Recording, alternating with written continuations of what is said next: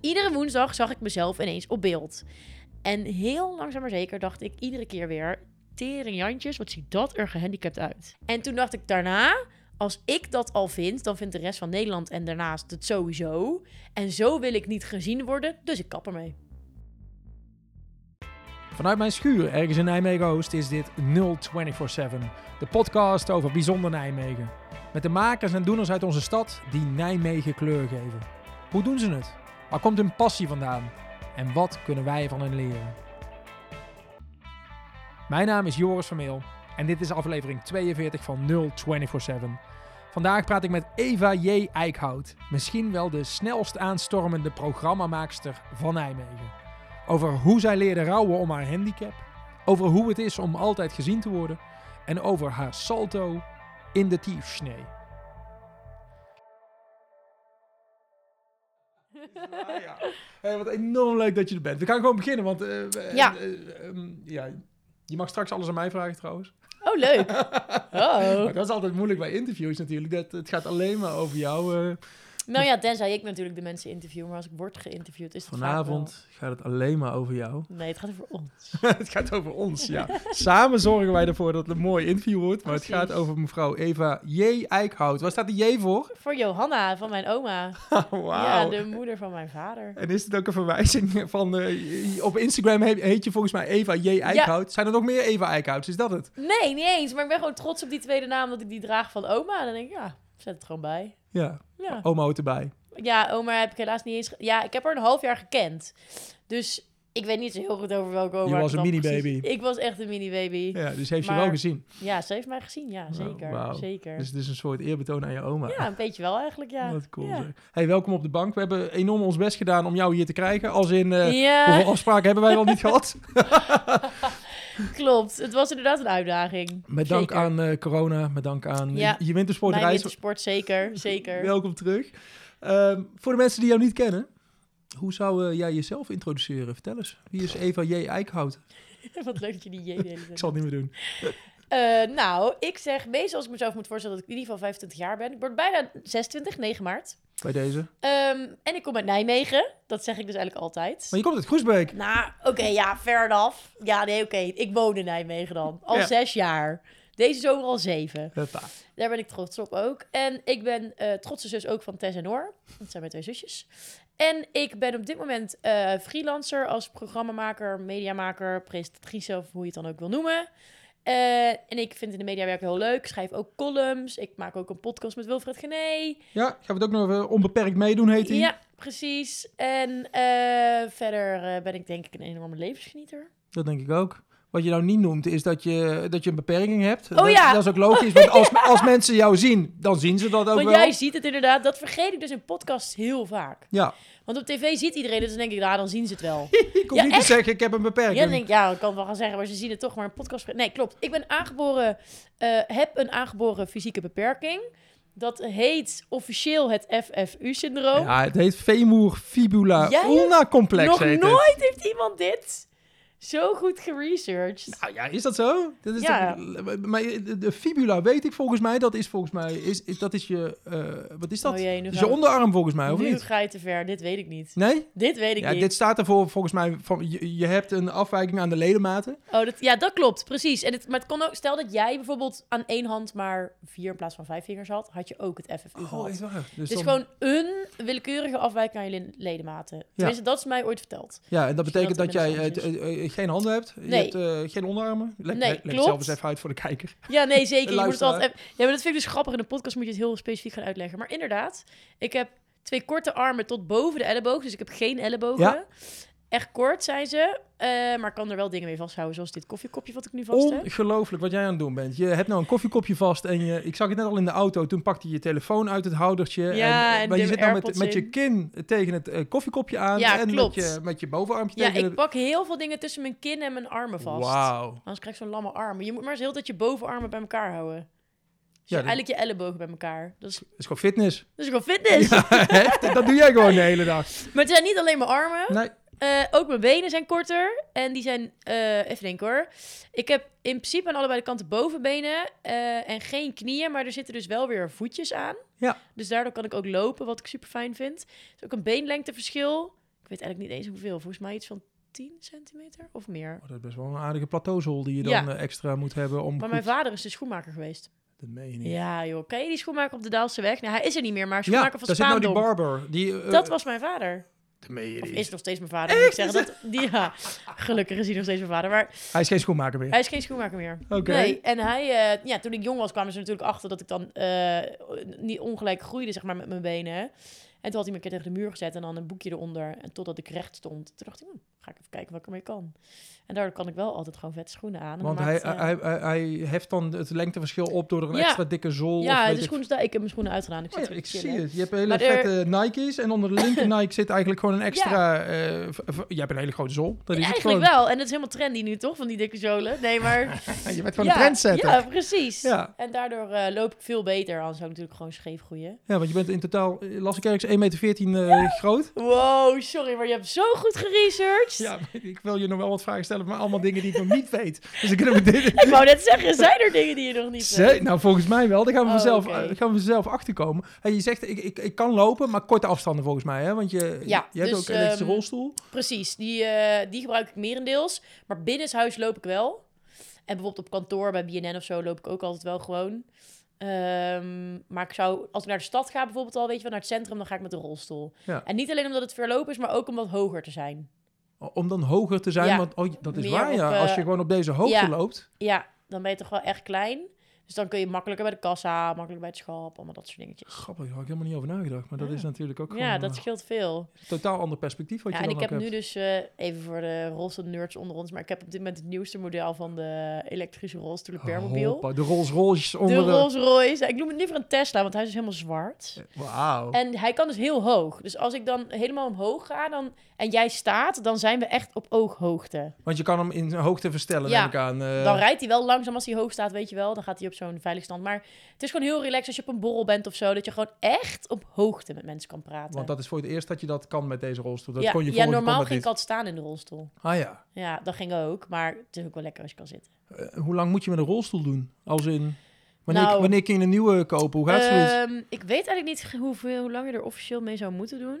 Maar dit is mijn vierde rolstoel. Ik ben nu 25. Oké. Zeg dat goed? Nou, delen door 4 is 6. Ja, zoiets. Zoiets inderdaad. Volgens mij de bedoeling. Vijf, zes, zeven jaar. Ja. Maar hij is echt gloednieuw. Dus wat kan... Nee, wat- hij is inmiddels niet meer gloednieuw. Hij is denk ik nu twee jaar. Maar door corona is hij wel minder gebruikt. Want ik ben nog wel een feestganger. ja, en ik ben ook niet zuinig met dat ding. Ik, hij moet het gewoon doen, snap je? Ik ga daar niet mee lopen, eh, voorzichtig doen. Ja. Dit zijn ook goede stoelen hoor, dus ze kunnen het ook hebben. Maar deze heeft nu nog niet zoveel geleden, omdat hij dus gewoon ja, door corona niet zo buiten de deur is geweest. Dus Hij is warm gedraaid om komende zomer te gaan knallen, Ja, eh, dat is hij vermoed ik. zeker. Ja, Ja. absoluut. Hey, hey, even, even terug, want je introduceert jezelf als, als freelancer, als Mhm. eh, presentator, wat zei je nog meer? Programmamaker, zei Ja. je. Eh, want je hebt al toffe dingen gedaan, hè?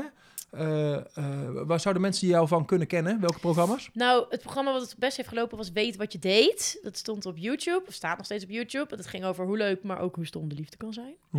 Eh, en daarvoor heb ik, de, heb ik nog een tijdje bij de Wereld, vergeet trouwens, bij de Wereld Draait Door het laatste seizoen gewerkt. Die hadden een jongere rubriek, de Young DVD. DVD Young.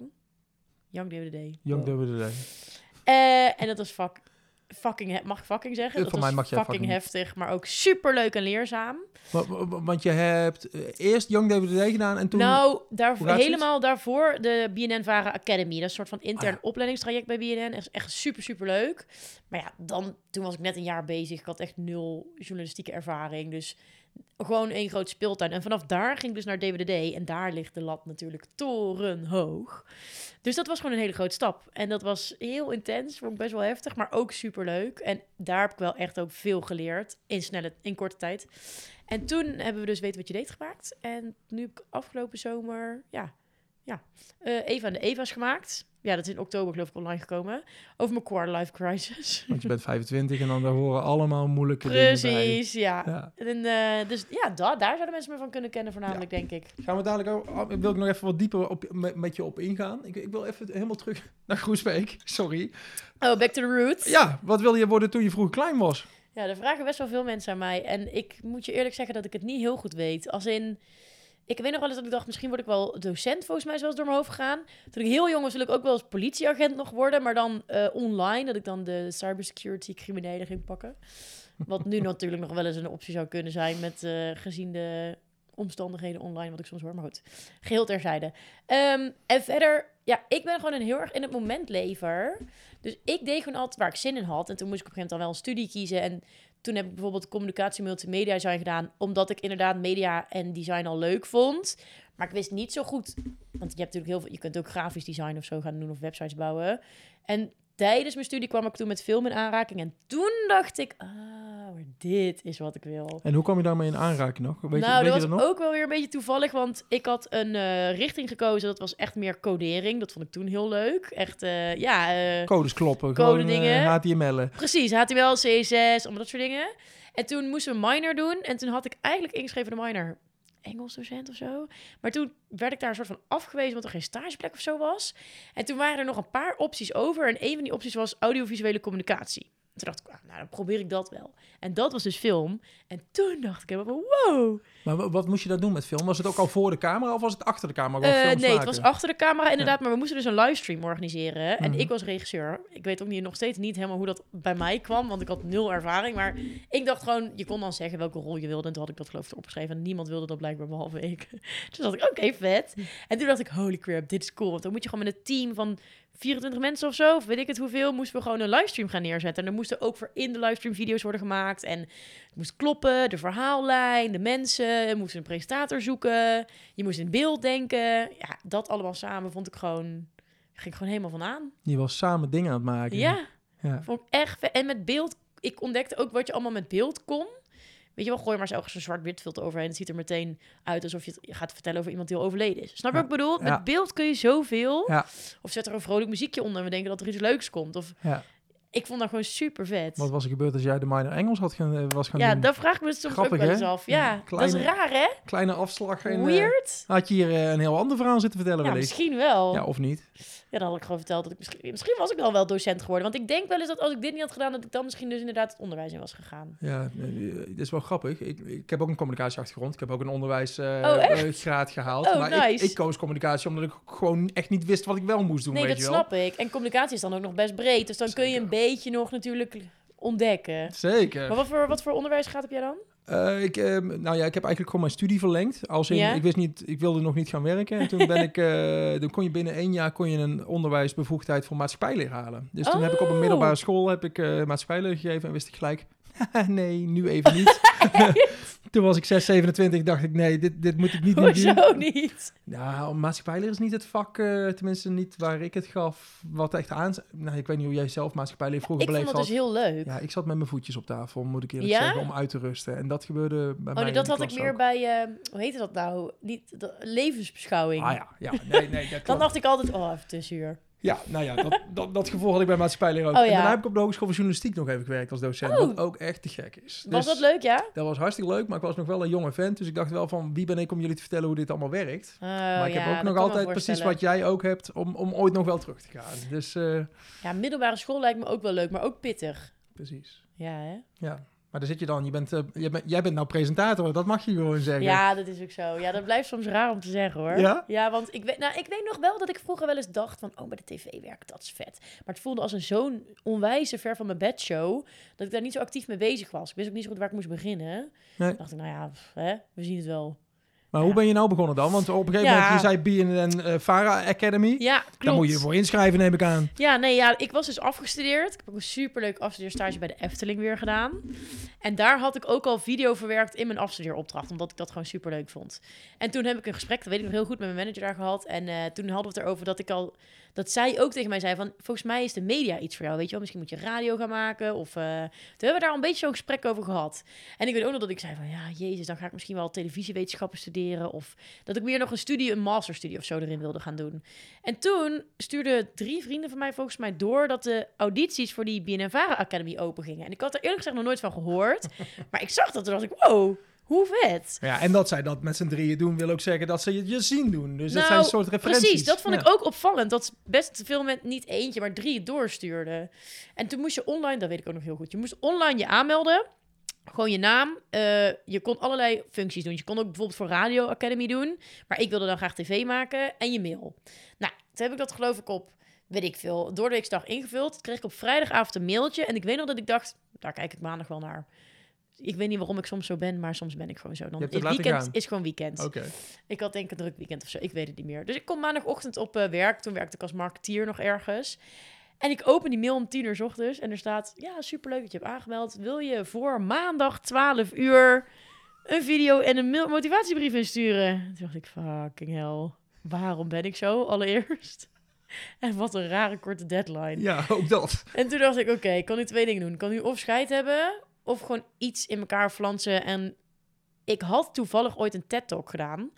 Toen dacht ik, oké, ik heb in ieder geval een soort van video van mezelf... die Ja. ik kan meesturen. En toen heb ik gewoon echt in een half uur zo'n motivatiebrief zitten schrijven. En dat heb ik ingeleverd. Met het idee van, nou, dat zal hem wel niet worden. En toen werd ik toch uitgenodigd. En toen mocht ik naar de eerste Talent Day met echt duizenden mensen volgens mij. Ik weet niet eens hoeveel mensen zich daarvoor aanmelden, maar het was zo druk. Maar die werden ook allemaal uitgenodigd. Ja, die werden allemaal uitgenodigd. Het, het, het is niet dat er 10, 20 man is. En, Nee, nee, je moet dan dus naar de eerste Talent Day. Dan moest je auditie doen. Nou, toen moest ik een soort van tekst oplezen. En toen was ik ter plekke door naar de volgende auditie. Ja, heel raar. En toen zat ik volgens mij ook voor Tim Hofman of zo, weet je wel. Ik vond het helemaal spannend. En toen moest je daar een improvisatieopdracht doen. En, die, en ik weet ook nog dat al die mensen die er waren, waren super hip, hè. Echt, oh, zo knap en, en modern. En van die, dat ik dacht van, wow. Wat doe ik hier? Ja, echt een beetje dat ik dacht, nou, daar ga ik niet tegen opboksen. Dat gevoel had ik echt heel erg. En toen was ik ook door naar de tweede, de- zeg maar die tweede auditie was ik ook door. En toen moest ik naar de tweede Talent Day. Nou, daar blijven er geloof ik 40 over. En van die 40 gaan er weer 10 naar de Talent Week. En daar zat ik toen op een gegeven moment. En toen moest ik een hele week lang, ja, allemaal fucking rare dingen doen bij hun. Allemaal improvisatie en een, en een, een format bedenken en redactiewerk. Weet je, gewoon dat je even wordt getest op samenwerking, op alles. En uiteindelijk werden er van die tien twee gekozen. En toen werd ik op een gegeven moment, nou ja, na een paar weken gebeld dat ik een van die twee was. Maar wat ik wel grappig aan je vind, is ehm, je zegt, oh, wat doe ik hier? En je kijkt naar Ja. al die mensen, maar je laat je er niet door weerhouden. Is dat een talent of is het iets dat je aangeleerd hebt? Nou, Want ik, ik zou er klein van worden misschien wel. En denk, oh, ik ga die twee ja, niet snap wat meer. je zegt. En ik denk ook wel dat ik er misschien even klein van werd. Maar ik dacht ook, ik ben hier nu. En ik ga gewoon mijn best doen, weet je wel. Ik bedoel, fuck it. En ik weet ook nog dat ik wel verbaasd was dat ik elke keer door was. Maar dat het me ook juist wel hoop gaf. Omdat ik dacht, wat fijn dat ze verder kijken dan het perfecte plaatje, letterlijk. Ja, En ik weet ook nog dat ik toen ik eh, die Talent Week had gehad, dat ik tegen mama zei: Al word ik het nu niet, wat ik deze week al heb geleerd, heeft me zoveel gebracht. Ik weet zo zeker dat ik dit wil, dan ga ik het wel op een andere manier zoeken. Dus ik zag het ook misschien meer als een soort van mini-cursus al, als Ja. dat ik per se. waardoor je de druk voor jezelf ook uh, Ja, misschien. En ook wel gewoon nog niet zo eens zo heel zo. Ja, ik weet niet. Misschien was ik ook niet zozeer bezig met dat ik het zou halen, maar dacht ik gewoon van ik ga gewoon genieten deze week. En dan zie ik het wel. En ook om ik. Ik kan niet goed iemand anders zijn. Zeg maar. Ik ben altijd heel erg mezelf. Mhm. En ik dacht, ja, take it or leave it, snap je? En toen eh deed, deed, deed took it. Dit took het. Ja. Ja. Hey, eh, vond je jezelf goed die week? Als je terugkijkt, denk je van, oh ja, ik heb daar wel laten zien wie ik ben. Zo als lang je, als ja, nou ja, maar daar, juist daarom. Als je nou terugkijkt naar die Wat tijd, een leuke vraag. denk je dan van, eh, ik, ik heb veel geleerd in de afgelopen jaren. Wat was ik nog een kneusje Ja, toen? Of, zeker, 100%. wat, wat, wat deed je toen nog niet zo goed, wat je nu weer veel beter kan? Ja, ik denk vooral eh, dat het hem toen erin zat dat je gewoon... Kijk, nu... Ik weet dat dat was een van de eerste dingen die ik leerde. Stel, je maakt een item. Je hebt een expert nodig op het gebied van broccoli. Ik noem echt maar iets, hè. En je googelt dat en je vindt iemand en, en die wil meedoen. Dan denk je, oké, ik heb hem. Terwijl... eh 9 van de 10 keer is je eerste keuze niet al de leukste voor op beeld. Weet Mhm, je wel? Kan mhm. iemand het ook leuk overbrengen? Hoe ziet Mhm. iemand eruit? Dat maakt natuurlijk niet altijd uit, maar het kan soms wel meehelpen. Eh, Heeft iemand een vlotte babbel? Eh, is hij heel lang van stof? Of, of juist lekker kort maar krachtig? Past hij bij de doelgroep? Ja, in het begin denk je er helemaal niet over na. Dan ben je al lang blij dat je Ik heb iemand die van broccoli houdt. Ja, precies. Ja, ja, precies. Dus dat soort dingen leerde ik wel in het begin, weet ik nog heel goed. En ook met beelddenken, weet je wel. Denk niet meteen bij het eerste idee van, oh, dit gaan we doen. Denk er nog drie. En kijk dan wat je gaat doen of combineer. er- Weet je, dus daag jezelf ook uit om... eh, we zijn als mens volgens mij überhaupt vaak geneigd om bij het eerste idee te denken, dit gaan we doen. Maar ik denk dat het in tv heel leuk is als je wat verder denkt.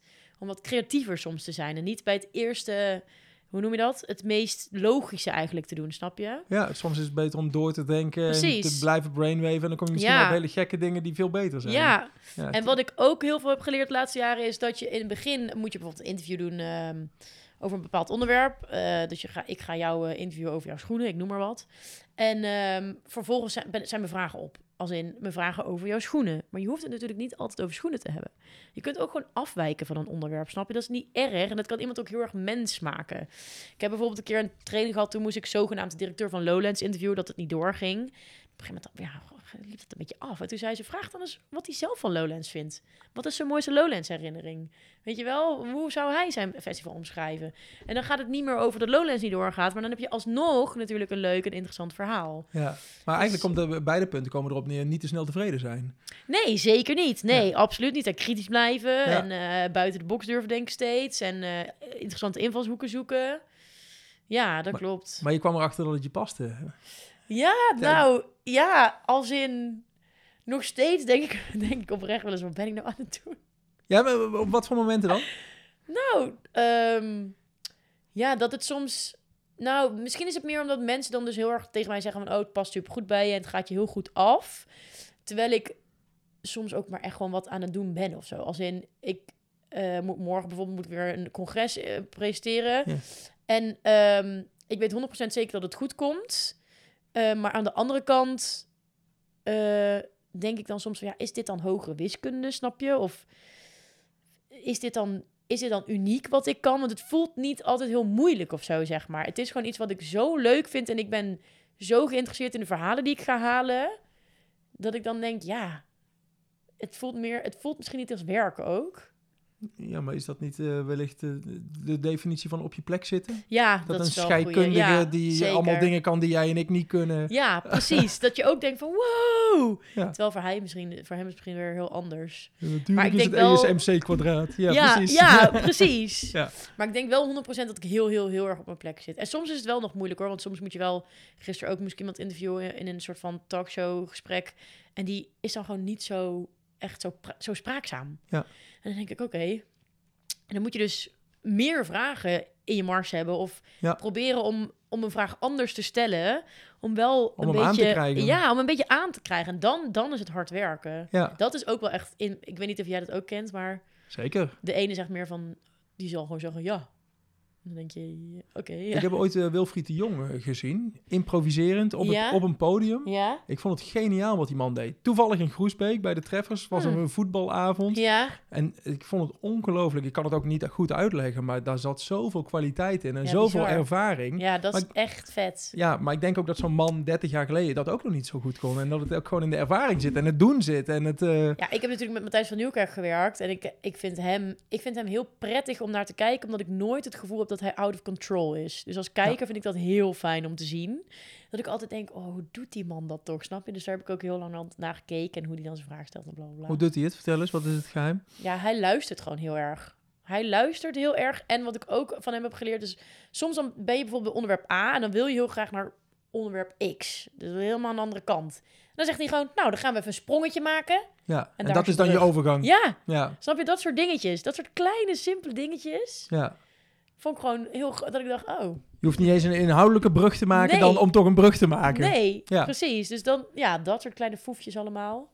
Maar hoe, Dus- heb je, hoe heb je samengewerkt? Want zo, je hebt het nou over Ja. Young DWDD. Daar, daar kwam je eh, bij na je eh, BNN eh, Academy. Wat werd er toen van je verlangd? Wat, wat moest je toen doen? Bij eh DWD? Ja, Ja, ze hadden een jongere rubriek. En Matthijs noemde dat de injectie van de show. En eh, ja, wij moesten eigenlijk een beetje de jongere onderwerpen in de show stoppen in max twee minuten. Mhm.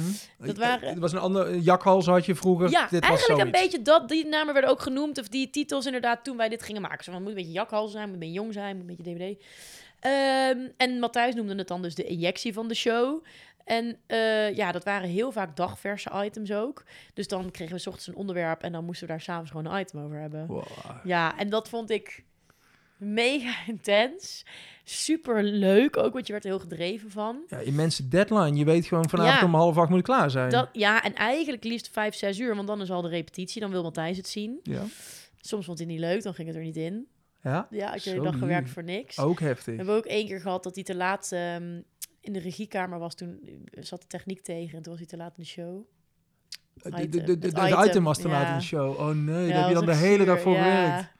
Goh. Ja, dat was wel zuur soms hoor. maar, dat, Maar wel ook heel leuk. maar alles wel onder immense druk natuurlijk. En het moet, Zeker. Het, het moet topkwaliteit zijn. Nou, dat. En daar heb ik dus zoveel van geleerd. Sommige dingen hadden wel een langer project. Dus we hebben bijvoorbeeld ook, ehm, ik weet even niet hoe het heet, maar toen ging Adriaan van Dis Ja. ging, eh, teksten van rappers voorlezen. ja. Ja, weet je, super funny. Dat vonden wij in ieder geval heel erg grappig. Eh, en daar deden we dan gewoon wat langer over. Dat was dan gewoon één keer in de zoveel weken dat er dan zo'n itempie voorbij kwam. Dus dat soort dingen mochten we allemaal verzinnen. Ja, we hadden ook wel heel veel creatieve vrijheid. Maakt het soms ook wel weer lastig. DVD-kijkers in die end natuurlijk ook weer wat ouder. Dus daar wil je ook wel weer op aansluiten. Goh. Maar, maar je had dus die BNNVARA Academy gehad en Ja. daarna dit eh, Ja, gehad. DVD. Zijn dat dan, hoe moet ik dat zien? Zijn dat fulltime betrekkingen? Want je, je was klaar met je studie en dit was eigenlijk gewoon je eerste baan? baan? Of, Ja, eh, moet ik het zo zien? Eigenlijk wel, want ik ben volgens mij in februari afgestudeerd en in september toen begonnen met de Academy. Ja. En dat was meer dan fulltime. Pff, man, dat was echt, hou op, hou op. Als ik daar nog eens aan terugdenk. Ik weet nog dat ik me zo geleefd voelde. Ik dacht van, oh, is dit nou een grote mensenleven? Dat je gewoon, Alles wordt voor je bepaald. ja, je moet gewoon de hele tijd komen werken. Ja, En ook in de weekenden. ja, en tot s'avonds laat. ja. En het was superleuk wat we deden, hè? dus dat scheelde alles. Maar je ging wel kapot. Maar ik weet nog dat ik dan op vrijdagmiddag wel eens naar huis reed avond. En dan dacht ik, echt dit weekend? Ik zou er nog geld voor betalen. Snap je? Zoveel wordt dat ineens waard. Bizar. En ik had natuurlijk een heel lekker studentenleven. Dus dat vond ik echt een hele Die overgang was gewoon keihard Die was natuurlijk. keihard. Ja. echt keihard. Dat ik echt dacht, wow. Maar, je, maar dit gebeurt allemaal in Hilversum. En jij woonde Ja, toen hier in Nijmegen? Of, eh, Precies. Ik heb toen overwogen om daar te gaan wonen. Maar ik dacht, ja, pff, om, het- om dan en een nieuwe baan helemaal daar te hebben. En ook nog een nieuwe plek. En, toen en ik woon zo fijn hier. Toen heb ik dat bewust niet gedaan. Achteraf echt heel blij mee geweest. En toen eh, moest ik wel op en neer. Maar dat vond ik op zich niet zo erg. Autorijden ben ik eigenlijk stiekem wel gewend. Dat vind ik ook wel lekker soms. Een beetje me-time bijna. ja, want je hebt, je hebt een mooi busje Ik heb een, tegenwoordig. zeker een, bus eigenlijk wel. Hoe, hoe rij je daarin? Leg eens even uit. Ja, en met een joystick. Hoe meen je niet? En Ja. die bedien je met je... Eh, linkerarm, Oké. die ligt erop. Ja. En naar voren is gas. Als ik hem naar achter trek, dan rem ik. Links, links, rechts, rechts. En heb je daar... Ik heb mijn rijbewijs moeten halen. Jij ook, neem ik aan? Nee, ik niet. Ja, wel toch? Nee, Gen, ik heb te krijgen die gratis. Ja, maar je moet ook wel iets kunnen. Deze grapje. Ja, weet ik veel. Ja, ja ik weet niet. Ik ken, ik ken geen... Jij bent heel goed, geloof ik. Nou ja, ik geloof wel wat mensen... Ik ben redelijk naïef, dat klopt. Probeer ik ook vast te houden. Heerlijk, maar ja. eh, door mensen zoals jij eh, gaat het helemaal kapot. Ja. Sorry. Maar, maar, maar dan heb je een... Hoe, krijg je is, rijles dan? ehm, een, er zijn een aantal rijscholen in Nederland. En ik zit toevallig bij Bever Auto-aanpassing. Sluikreclame. Eh maar zij zijn wel echt amazing, serieus. ja. En zij hebben één rijlesauto, dat is een Mercedes Sprinter. En die, ja, die gaat gewoon heel het land door. En dan kon ik achter met mijn rolstoel erin. Er zit gewoon zo'n eh, liftje in met Ja. voor de rolstoel. Ja. Dan kon ik met mijn rolstoel achter het stuur gaan staan. En dan kon hij daar de joystick, zeg maar, op van die soort van eh, stalen balken, zeg maar, overal zetten waar je wilde. Dus wilde je hem dan hoog, laag, dichtbij, ver weg. Dus dan was het, duurde altijd even een kwartier voordat we dan zaten, zeg maar. en dan had ik iedere dinsdagochtend twee uur rijles. Ja, en eh, toen heb ik, moet ik wel bekennen, ik heb vier keer over mijn theorie gedaan. Mhm. Maar ik heb wel maar één keer over mijn praktijk gedaan. Die had ik in één keer. ja. Oh, wat te gek zeg. Ja. En hij, er was ook zo'n auto dat hij in kon grijpen. En dat er Ja, een examinator had, eh, mee kan. Ja, eh, was echt lijpe technologie. Maar hij had een knop op zijn schoot. En die moest hij altijd ingedrukt houden. Dus daar had hij gewoon zijn hand vaak op liggen. En als hij dus... eh, voor hem zat een stuur. Want als hij die knop losliet, ging alles naar zijn besturing. Dus als hij dan het stuur zou pakken... dan zou het meteen op zijn besturing staan. Wauw. Eh, ja, dat vond ik ook... Dat ik altijd van, wow. Sick, weet je wel? Ja. Serieus. Ook fijn als je een keer gedronken hebt, dat je dan eh het ook kan Ideaal. laten Kun je nemen. je wisselen, ja. Laten we het niet doen. ja, nee, laten we dat vooral niet doen. Wauw, dus zo, dus, zo ja, dus daarmee cruisde ik elke keer op en neer naar, eh, naar Hilversum, inderdaad. Dacht je nooit tijdens dat jaar Young DWD en ook BNN Academy, Vara Academy, oh, als dit het is, dan hoeft het voor mij niet. Nou, dit heb jij gelezen of niet? Ik heb geen idee wat je Nee? Jawel. Over- Ik, weet niet wat je Nee? gaat vertellen, dus ik kan nog niet echt... Oh, dit is exact wat ik heb gezegd, namelijk in interviews. Nee, dat heb ik zeker. DWD was overigens drie dagen in de week, dus dat scheelde. Oké. Eh, nou, ik was een half jaar, half jaar, iets minder denk ik, Academy aan het doen. En toen dacht ik inderdaad wel op een gegeven moment van... Poeh, is dit nou waar ik dan echt gelukkig van word? Is dit dan wat ik echt wil? En eh, dat had niet eens zozeer met het harde werken te maken. Maar ik kwam erachter en dat had even wat voeten in aarde. Want ik weet dat ik mama een keer belde. op werk helemaal overstuur was ik. ik ja, ik stop met deze stomme tv-wereld en ik wil dit niet meer. En, Omdat het eh, gewoon zo intens was. Nou, dat dacht ik eerst. En Ja. toen zei mama van, nou, hè, pas op de plaats, kom even lekker naar huis. We hebben het er even over. Deel het even met je leidinggevende. Zeg dat het gewoon even niet zo lekker gaat en dan kijken we wel. En toen kwam ik er stiekem een beetje achter dat wij moesten bij Academy iedere woensdag een item opleveren. Mhm. En iedere woensdag gingen we dat ook kijken in een soort van mini-bioscoopzaal. Dus iedere woensdag zag ik mezelf ineens op beeld. En heel langzaam maar zeker dacht ik iedere keer weer... Tering Jantjes, wat ziet dat er gehandicapt uit. Want je ziet jezelf nooit. Want Nee. je kijkt door je eigen ogen naar de wereld en je ziet andere mensen. Precies. Ja. En toen dacht ik daarna, als ik dat al vind, dan vindt de rest van Nederland en daarnaast het sowieso. En zo wil ik niet gezien worden, dus ik kap ermee. Ah, het had met zelfacceptatie te maken. ja, dat kwam ineens heel erg naar boven. Goh. Ja. Terwijl je daar voorheen, ja, je hebt wel eens een spiegel gezien en foto's eh, van 100 jezelf gezien. zeker, zeker. Maar dat was niet zo heftig als jezelf in beeld in beweging zien of nog zo. meer te maken met de angst dat andere mensen me als een gehandicapte prestatrice zouden gaan zien. Daar was ik gewoon heel erg bang voor. Dat ik dan zo'n in zo'n hokje geplaatst zou worden van... oh nee, maar dat is dat meisje met die zonder arme benen, die presenteert. Terwijl je dat tegelijkertijd ook gewoon bent natuurlijk. In zekere zin ben ik dat zeker, 100%. Maar ik ben ook gewoon Eva en ik maak ook gewoon content vanuit mijn persoonlijkheid. Weet je wel, ik ben meer dan, Zeker. dan dat. Ja. En ik, ja, ik weet niet, ik kreeg er echt gewoon zoveel moeite mee. En toen eh, ben ik naar een, ra- moet ik goed zeggen, een rouwtherapeut gegaan die gespecialiseerd is in handicapverwerking. Ja, dikke shout-out naar Dat- haar. Dat bestaat. Ja, nou, inderdaad. Maar dat is echt... Ja, dat is... Ja, nog steeds denk ik dat het sowieso goed is... of je nou wel of geen... Iedereen heeft in mijn optiek een beperking... om eens een keer naar een rouwtherapeut te gaan. Want rouw zit in heel veel facetten in je leven. Veel meer dan je denk ik soms zelf door hebt. Want, want rouw is eigenlijk afscheid nemen van dingen. Juist, en dat kan zijn van dingen die weggaan... maar het kan ook zijn van dingen die nooit gaan komen. Het kan zijn van dingen die nooit zijn geweest. Wauw. Net zoals ik nooit armen en benen zal krijgen. Weet je wel, ik heb iets niet wat ik nooit zal krijgen. Is ook een soort van rouw plaatje in je hoofd dat je graag anders had gezien, wat je los moet laten. Ja. En ik denk dat het voor heel veel mensen zo geldt. Als je een break-up hebt van een relatie, ga je ook rouwen. Want je rouwt om een, om een, om een, om een toekomstbeeld wat wegvalt. Ja. Dus ik denk dat, ja, ik vond het gewoon heel interessant om erachter te komen hoe je daarmee omgaat als mens, waar gevoelens vandaan komen. Kwam je bij deze vrouw terecht? Want dat dit bestaat Ja. en dit is toch geniaal? Dat is zeker geniaal. Nou, op de middelbare school, als je studeert in het regulier onderwijs met een functiebeperking, krijg je een ambulant begeleider toegewezen. Zoals jij? Ja, iemand die ervoor zorgt dat je eigenlijk zo goed mogelijk mee kunt doen in het reguliere onderwijs met jouw beperking. Ja. In mijn geval was dat Helene Siliens. En zij heeft, toen ik 16 was, heb ik met haar gesprekken gehad over handicapverwerking voor de eerste keer. Oké. Dat was toen al. Toen heb ik ook over rouw. al- Daar begon zij toen ook Dat over. maakte gewoon onderdeel uit van haar begeleiding. Dat Ja. zat standaard in het pakket. Ja, ik weet niet of het, of het normaal was, maar zij was echt... Zij is grondlegger van mijn handi- handicapacceptatie. Dat is echt. En toen, deze keer, had mama wel een beetje in de smiezen... dat het nu wel nog misschien iets, iets dieper zat of iets intenser was. En toen heeft mama dus met Helen contact opgenomen... en die heeft ons toen doorgestuurd naar Tanja. Kijk, daar werd Tanja een link gelegd. Ja. Hey, maar, maar- maar je had het over je 16, dat het voor het eerst speelde. En Ja. ik denk dat je hier ergens eh, begin 20 eh, geweest ja, zijn. klopt. Jaar of 1, 22 inderdaad. Maar dat betekent dat je eigenlijk de eerste 20 jaar van je leven... eh, wa- was jij ook gewoon Eva J. Eickhout... die, die, niet zoveel armen en benen had. Zeker, ja. En het komt ook opzetten. Want bijvoorbeeld toen ik 16 was en bij puber... dan wil je na school ook op de fiets springen... en met je vrienden naar de stad om een euroknallen te eten bij de McDonald's. Maar dat kon ook niet. Dat ging niet. En Nee. toen voelde ik ineens die handicap. Snap je? Toen werd hij ineens aanwezig. Nam die een beetje de overhand voor mijn gevoel. Beperkte die me letterlijk. En Ja. dan krijg ik er last van. En dat gebeurt dus ook toen ik bij BNN ging werken. Oké, Ja. kan ik daar naartoe eh, met de auto? Is er een aangepast toilet? Zit er een lift in het gebouw? Moet ik een andere stoel regelen? Eh, we moeten draaien op draaidagen. Ik moet er begeleiding mee. Dan word je heel erg bewust van je beperking. Ja, je moet al die randvoorwaarden. Je kunt niet helemaal blind daar naartoe gaan en denken dat het wel goed komt. Want dan, ja, dat lukt gewoon niet. Daar gaat gewoon niet bij mijn beperking. En dat is op zich niet erg. Maar het is soms wel echt vermoeiend om al die shit elke keer te moeten regelen. ja, en op Verhuizen krijg ik ook altijd heel veel stress van.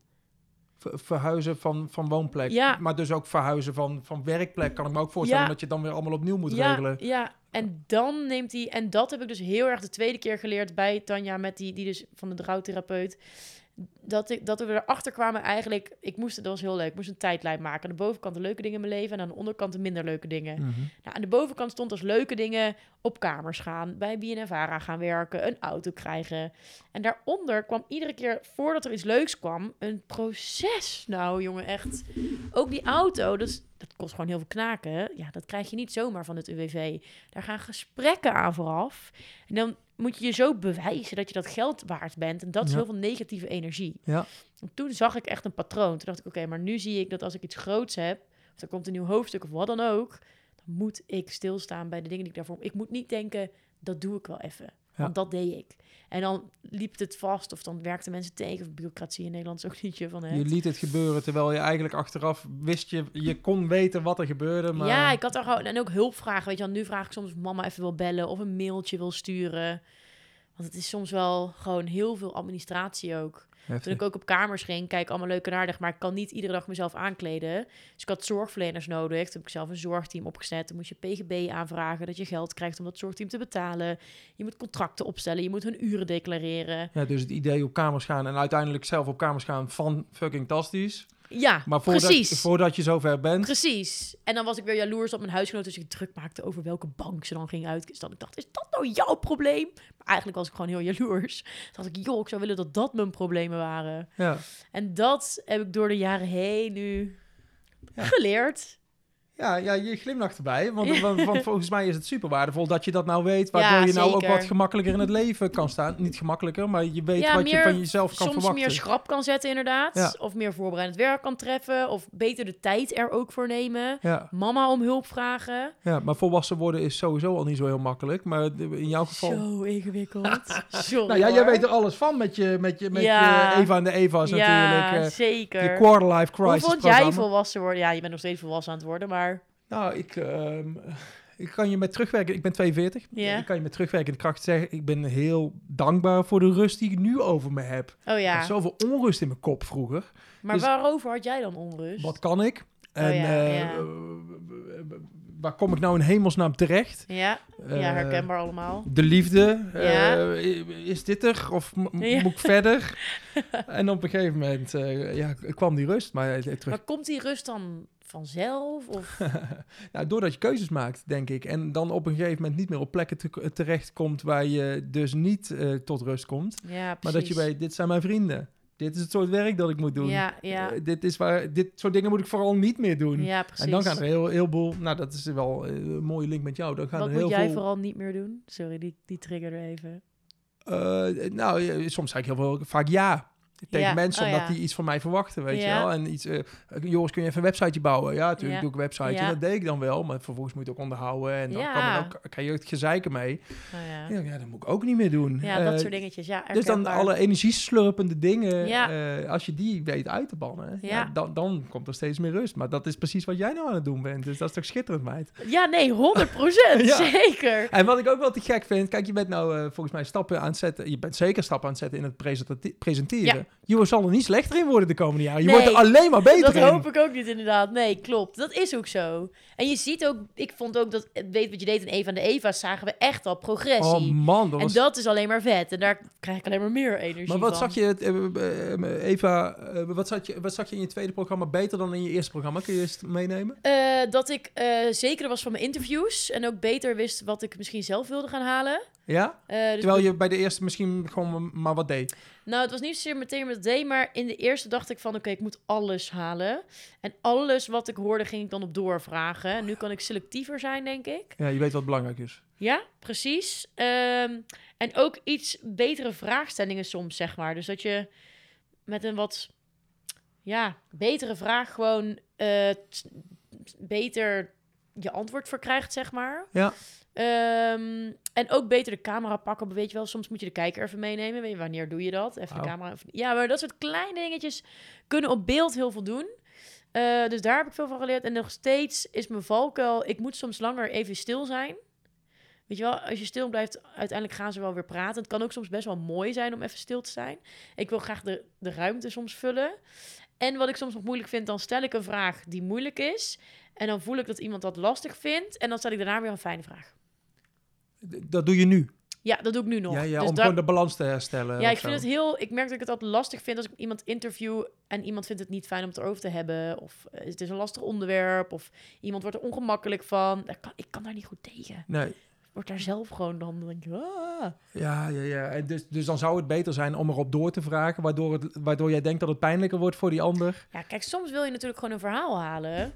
En sommige verhalen zijn gewoon pijnlijk, moeilijk. Eh, maar ja, dat betekent niet dat we ze niet kunnen verhalen. Snap je? Daar moet je ook naartoe kunnen. Naar die onderwerpen en naar die antwoorden vooral. En dat vind ik dan soms lastig. Ja, dat- Nog. Dat, is, dat is schroom eigenlijk. Van, Ja, dan ben ik bang dat ik iemand gewoon een niet fijn gevoel geef. Ik vind dat lekker als iedereen gewoon zo lekker happy de peppy is en zich fijn voelt en op zijn gemak. En als je dan dat niet hebt, ja, ik weet niet, die vind ik lastig. ja, Ja, goed om te weten. Denk ik. ja zeker. Zeker. En dat is ook fijn bij Ervaren, want ik heb bijvoorbeeld volgende week ook weer, dan gaan we ook even dingen terugkijken, weet je wel? Van even analyseren, van oké, hoe heb ik dat toen gedaan? Wat kunnen we eruit halen? Hoe zou dat vond ik anders kunnen doen? Dus we reflecteren ook wel echt op hetgeen wat we maken. Want je zit daar nog steeds bij de BNNVARA Academy. Nou, hoe, hoe, hoe werkt dat? Ik ben nu dus freelancer, dus Ja. eh, ik word nu gewoon ingehuurd eigenlijk op projecten. Eh, en dat vind ik zelf stiekem heel relaxed, want het geeft me veel meer vrijheid om ook nog honderdduizend projecten ernaast te doen. Want die Academy die duurt... Een jaar uiteindelijk. Oh, dat is maar een jaartje. ja, dus dat heb ik toen een jaar gedaan en toen ben ik eigenlijk meteen naar dat DWDD gegaan. En dat was toen wel echt mijn baan, zeg maar. Ja, maar dat heb je ook een jaar half gedaan? jaar. Ah, een half jaar was ja, het. ja, want het seizoen is maar een half jaar. Ja. En die laatste weken zaten we toen thuis, want toen brak corona uit. Ah ja. Het was een raar jaar. Een raar seizoen. Was en het laatste. En het laatste paar weken konden we, laatste maand of zo, toen konden we niet meer eh, ja, met z'n allen samenkomen. Ah, en voor jou ook een rare tijd. Hoe heb, hoe heb je de afgelopen twee jaar beleefd?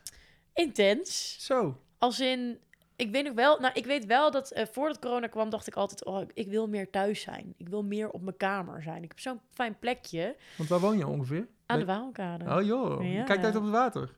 Nou, vanuit ons dakterras wel. Vanuit mijn kamer kijken op de Sint-Stevenskerk. Dat vind ik stiekem nog mooier, om heel Mhm. eerlijk te zijn. Ik vind dus de Waal vanaf de overkant veel mooier. Ja. Als je vanaf onze Nijmegen kant naar de overkant, is het niet zo heel denderend. Nee, dan heb je het stadsgezicht niet, wil je zeggen. Nee, Ja. ik vind de andere kant veel mooier, maar goed. Ehm, dus dat ik meer thuis wilde zijn en dat lukte natuurlijk door corona best goed. Eh, toen viel ook werk flink uit bij Bien en Varen. Dus toen heb ik ook nog een half jaar, denk ik, bij de GGD gebeld. Joh. Ja, vond ik heel leuk ook. Ja, maar het is wel een overgang, want je had wel in je hoofd, ik ben een presentator. Ja, terwijl aan de andere kant ging ik dan wel soms een beetje mijn interviewtechnieken oefenen aan de telefoon. Wat deed je bij mensen? Ja, ik moest mensen bellen die corona hadden. Ja. En je moest dan best wel veel van die mensen te weten komen. Waar zijn ze geweest, met wie zijn ze Bron en geweest. contact onderzoek. Precies. Ja. Dus dan ging ik gewoon proberen zoveel mogelijk los te halen. Maar ik ging ook vaak, ik weet nog heel goed. Ik had een keer een vrouw aan de lijn en dan zeg je, dan neem je op en dan hè, van, eh, spreek ik met die en die. Ja. Nou, ik bel om te zeggen dat u positief bent getest op coronavirus. En toen schrok zij en zei ze, oh nee, ik ben zwanger. Dus ik zo, nee joh, wat leuk! Dat was mijn eerste reactie. Terwijl die vrouw hartstikke in angst zat van, wat betekent dit voor mijn zwangerschap? Ja, en zij zei van, ja, ja, zei ze. Toen zei ik, nou, allereerst hoeven ze geen zorgen te maken, want volgens onderzoeken bla, bla, bla. Ja. Moesten we zeggen. En althans, de onderzoeken wezen uit dat het eh, nog niet een risico was. En ik weet dat ik zei, ik zei, maar, eh, ik zei, wat wordt het? Ja, in een opwelling. En toen zei zij, oh, een meisje, zei ze, maar dat heb ik eigenlijk nog aan niemand verteld. Hoi, hoi. Dus ik zei, oh, echt wel, weet je wel. ja, dat soort verhalen had ik met mensen. Dat was super leuk. En het was heel gezellig daar op kantoor. En we konden door corona toch niet veel in de tv. Als in, tv ging wel door, maar het was wel anders, weet je wel. En het was wel lastig. Je wilde daar niet zijn. Nou, dus het was kan- prima om ergens anders te zijn. Ja, ik vond het toen niet zo heel erg, nee. Ja. En toen daarna, toen trok het weer aan. En nu eh, ja, gaan we weer als een raket. Ja, maar hoe gaat dat dan? Want dan eh, heb je een halfjaartje bron- en contactonderzoek Ja. gedaan. Gaat dan de telefoon vanzelf weer bij jou? Of, eh, Ja, die ging toen inderdaad wel in het... In het even, even moet ik goed nadenken. Ik heb toen na DWD Eva van de Eva's gemaakt. Toen bron- en contactonderzoek gedaan. En toen hebben we weer een nieuw format ingediend. Ehm, ja, hebben een nieuw format ingediend. En dat gaat dan naar de NPO. maar dit moet je even uitleggen. We hebben een nieuw format ingediend. Ja, dus op een gegeven moment had ik het met eindredacteuren erover dat ik nog wel iets nieuws wilde maken. Hoe ging het toch? Erg dit. Wie heb ik dat toen gedaan? Maar ik ben gewoon benieuwd hoe dat, hoe dat proces in gang gaat. Hoe, hoe Ja. kom je aan werk, is eigenlijk de vraag. Ben even, nou, Eva en Eva's liep in ieder geval heel goed. Ja. En toen hadden we zoiets van, we moeten nog een serie maken. Dat wilde ik ook heel graag. En toen mocht ik wat, ja, toen mocht ik wat ideeën aanleveren. Dat vragen ze je dan te doen. Want ze Ja. zijn blij met je en ze willen graag nog iets met je maken. Ja, En dan En ga je toen- zelf nadenken. ja, heb ik toen gedaan. En toen op een gegeven moment, dit idee ontstond vanuit, ehm, oh, wat was dit nou? Het was eerst namelijk een heel ander idee. Soms vergeet je dan wat het oorspronkelijke idee was. Nou, het was Nou ja, wel, dit het is ging wel... voorbeeld van als je verder denkt, dan krijg je weer een ander idee. Ja, heel erg inderdaad. Het ging in ieder geval over het leven in ieder geval. Het leven. En over het 25 jaar zijn. En toen Oh nee, we kwamen erop. Ik weet het alweer. We moesten. De NPO had gevraagd, dit was het. Of we belevingstv wilden maken met mij. Dus dat ik echt iets zou gaan doen. Oké. Nou, hartstikke leuk, hartstikke gezellig. En toen wilden we eerst een soort van bucketlist-achtige dingen afstrepen met mensen. En dat zouden dan andere Eva's zijn. Dus we, we hadden al wel het idee om langs te gaan bij andere Eva's. Maar toen miste het een beetje de urgentie. Weet je wel, ja, waarom ga je langs bij andere Eva's en dan met hun een bucketlist afwerken? Weet je wel, no offense, maar als die Eva's zouden komen overlijden, dan heb je je urgentie. Weet je wel, daarom ga je die bucketlist afwerken. Maar om nou random, dat klopte niet. Wat is het verhaal eronder? Snap je? Dus dat was nog niet goed genoeg. Nou, en toen kwamen we eigenlijk een beetje op die quarterlife crisis. En toen dachten we, oh, maar dan kunnen we misschien langs gewoon kijken wat al die andere Eva's van 25 aan het doen zijn. En dan ga je gewoon een dagje in hun leven eigenlijk. Ja. En zo is dat idee toen ontstaan. Dat hebben we toen, dat mail je dan, ja, dat doe ik niet zelf, maar samen met redacteuren stel je een soort van format op. Dat zijn een aantal A4'tjes waarin uitgeschreven staat wat je gaat doen en wat je idee is. Stuur naar de NPO. En als zij het ook zien zitten, krijg je eigenlijk gewoon geld van hun. En daarmee ga je het maken. En dat is toen ingetekend bij de NPO. En toen mochten we dat gaan maken. Wauw. Ja, en zo is dat toen gedaan. En toen daarna dat ik dus Evan Evans had gemaakt, eh, waar ze ook heel tevreden over waren, heb ik onlangs nog een keer gesprek gehad bij BNN. En toen zei BNN Vara, ik vind BNN zo lekkerder klinkt, jij niet? Ja. Zo irritant BNN Zo, ze hadden de fusie niet moeten doen. Nee. Alleen maar hierom. Ja, hè? Letterlijk. Of de fusie goed. wel moeten doen, maar de varen eraf moeten laten vallen. Laat gewoon gaan. Eh, dat ze er nog in ieder geval heel veel dingen graag met me willen gaan maken. Dus er staat ook weer... Ik heb toevallig gisteren gehoord dat er weer een nieuwe serie gemaakt gaat worden. En, weet je dan ook wat voor serie? Ja, maar dat mag je ik. zeker niet Nee, zeggen, zie ik aan je gezicht. nee. Oké. Maar wel heel fijn. Echt heel blij Maar dan zijn, op dit moment zijn het eh, YouTube-series. Ja, klopt. Ik ben een oude man. eh, Ja, I know, I know, I know. ja, I vind je know. een oude man, ja. Nee, ik bedoel meer van... I know wat je nu gaat zeggen. Ik kijk tv. Nou, nou eh, ik, ik neem, nou, ik zit er tussenin. Dus ik, Oké, eh, ik in neem, between. Ja, dus ik neem op zondagavond neem ik heel veel dingen op. En als ik iets wil Oh, kijken, dan kijk. kijk ik eh, wa- wat ik op heb genomen. Dus Oh, ik ja. kijk niet lineair. Nee, Maar precies. ik kijk wel op mijn tv naar alles wat ik heb opgenomen. Nou, maar ik, moet, ik heb ook een tv. Alleen ik heb geen tv-aansluiting. Dus ik stream alles via mijn Google Chromecast. Precies, dus het is gewoon je Maar scherm. inderdaad, tv kijken op een tv-scherm is lekker. Ja, maar, maar hoe, verhoudt, hoe verhouden... Want jouw series zijn op YouTube Ja. eh, tot op heden. Ja. Eh, eh, je hebt wel items in DWDD gehad. Ehm, maar hoe, hoe verhouden die twee zich tot elkaar? Want NPO heeft ook gewoon een groot account natuurlijk. Dus, Zeker. ik, ik, zag, ik zat even te kijken. eh, weet wat je deed. 228.000 keer bekeken. Ja. Hallo beste mensen. ja, die is echt heel sky high gegaan. Ja, Ja. super te gek. Ja, dat was wel leuk toen. Maar je maakt nou series voor, voor op YouTube. Is Ja. dat eh, bewust? Heb je eh, ambitie om ooit naar tv te gaan? ja, zeker, absoluut. Want En daarmee daar- wordt je bereik hoger, kan ik me zo voorstellen. Precies. En daar zijn nu dus ook gesprekken over, omdat ik nu dus aan het groeien ben en inmiddels ook wel, want dat heeft ook veel weer te maken. Je moet wel een soort van vast gezicht zijn van BNNVARA. Anders dan, ja, vinden zij dat het te abrupt is om er ineens een soort van onbekende presentator op tv te zetten. Ja, en hoe maken ze hier een gezicht? Hoe gaat het? Nou ja, dat ben ik nu dus een beetje aan het worden doordat Of ik door dus- de YouTube, door die ja. series inderdaad. Ja, Ja, precies. precies. En nu weer die nieuwe serie en er zijn nu dus ja wel ja kan ik ook echt geen reet over zeggen, maar zo irritant. Je bent in onderhandeling. Het, zijn gaat in de het gaat de goede kant op en Ja. we moeten je in de gaten houden. Precies, precies. Dus, maar er komen ook allemaal leuke nieuwe dingen aan bij Bien en Vara, ook weer op YouTube-gebied. Dus, Hier hebben we helemaal niks aan. Nee, Dit is gewoon ik weet veel het. te vaag. maar als je me blijft volgen, dan wordt het wel leuk, denk ik. Ja, hey, eh, coronatijd. Je bent een behoorlijk gezellig... ge- eh, Deze, dit woord ga ik opnieuw doen. Gezelligheidsdier. Ja, dat Het ben ik zeker. Het lukt me wel. Ik, ik, ik volg je op Instagram en dan zie ik allemaal leuke festivalfoto's. Ja. Ik ben weer de sport geweest de afgelopen week. ja, Want daarom konden we ook niet eerder afspreken, want toen... eh, klopt. Je moest fit blijven. Ja, klopt. Hoe was de vakantie? Ja, ik ben een beetje in een zwart gat gevallen toen ik thuis kwam. ik kan dat gewoon heel erg hebben. Dan heb ik iets zo leuk gehad ergens, dat ik daarna gewoon een beetje verdrietig dan ben dat het voorbij is. Ja, dat is een soort van dankbaarheid, maar dan wel een, een negatief gevoel Ja, van dankbaarheid. Ik vind het ook altijd zo'n irritant gevoel. En dan denk ik, ja, als ik het niet had gedaan, had ik me nu niet zo kut gevoeld. Maar ik voel me kut omdat het zo leuk was. Ja, dat is zo raar. Volgend jaar weer. Ja, 100 procent. Daar komt het eigenlijk op 100 neer. procent. Waar ik heen wilde was eh, corona, weinig gezelligheid. Ehm, hoe heb je het leuk weten te houden? Nou, gelukkig woon ik niet alleen. Ik woon samen met mijn allerbeste vriendin Lotte. En toen wonen we nog samen met Hanneke. Inmiddels is dat Jules geworden. Eh, maar we hebben dus wel heel erg Jules een jongen of meisje? Ja, Jules is een jongen, ja. Ja, en na vijf, zes jaar zijn we eindelijk, eh, hebben we eigenlijk een man in ons huis. Fijn voor je. Ik pleit er al jaren voor. Ik ben ontzettend blij met hem. Eh, het enige is dat we niet meer naakt door het huis kunnen lopen. Maar Waarom hij- niet? Ja, nee, dat, is, dat doen we gewoon niet met hem. Preuts, Ja, eh. misschien, ja, ik weet het niet. Ik denk dat hij het niet eens zo heel erg zou vinden, maar het voelt gewoon niet helemaal daar. Zou het morgenochtend proberen? Ja, en nee, zo. Hey. Ehm, dus het scheelde dat we niet alleen woonden. En ehm, ja, we hebben gewoon best wel gezellig gehad, denk ik, thuis. Als in, ik heb me niet per se verveeld. Het was wel zo... eh Lot en ik zijn al nou, meer dan tien jaar vriendinnen. En de laatste, zeg drie jaar, zijn we echt, echt helemaal close. Gewoon echt... Ik ben helemaal connected met haar. Zij is echt mijn, ehm, mijn soulmate. Maar we zaten zoveel thuis dat zelfs daar toen een beetje frictie ontstond. En dat vond ik toen wel schrikken. Dat ik dacht, jezus Christus, dan gaat corona niet toch ons vriendschap eh, hier eh, verpesten Hoe of kan, whatever. ons ook, hoe kan ook ons dit gebeuren? Ja, dat had ik. Ja. Ik schrok daar echt van. Want ik dacht, wow, we zijn zo goed met elkaar. We, zijn zo, we hebben zo'n sterke band dat zelfs ons dit overkomt. Maar het was zelfs jullie te veel. Ja, gewoon dat je...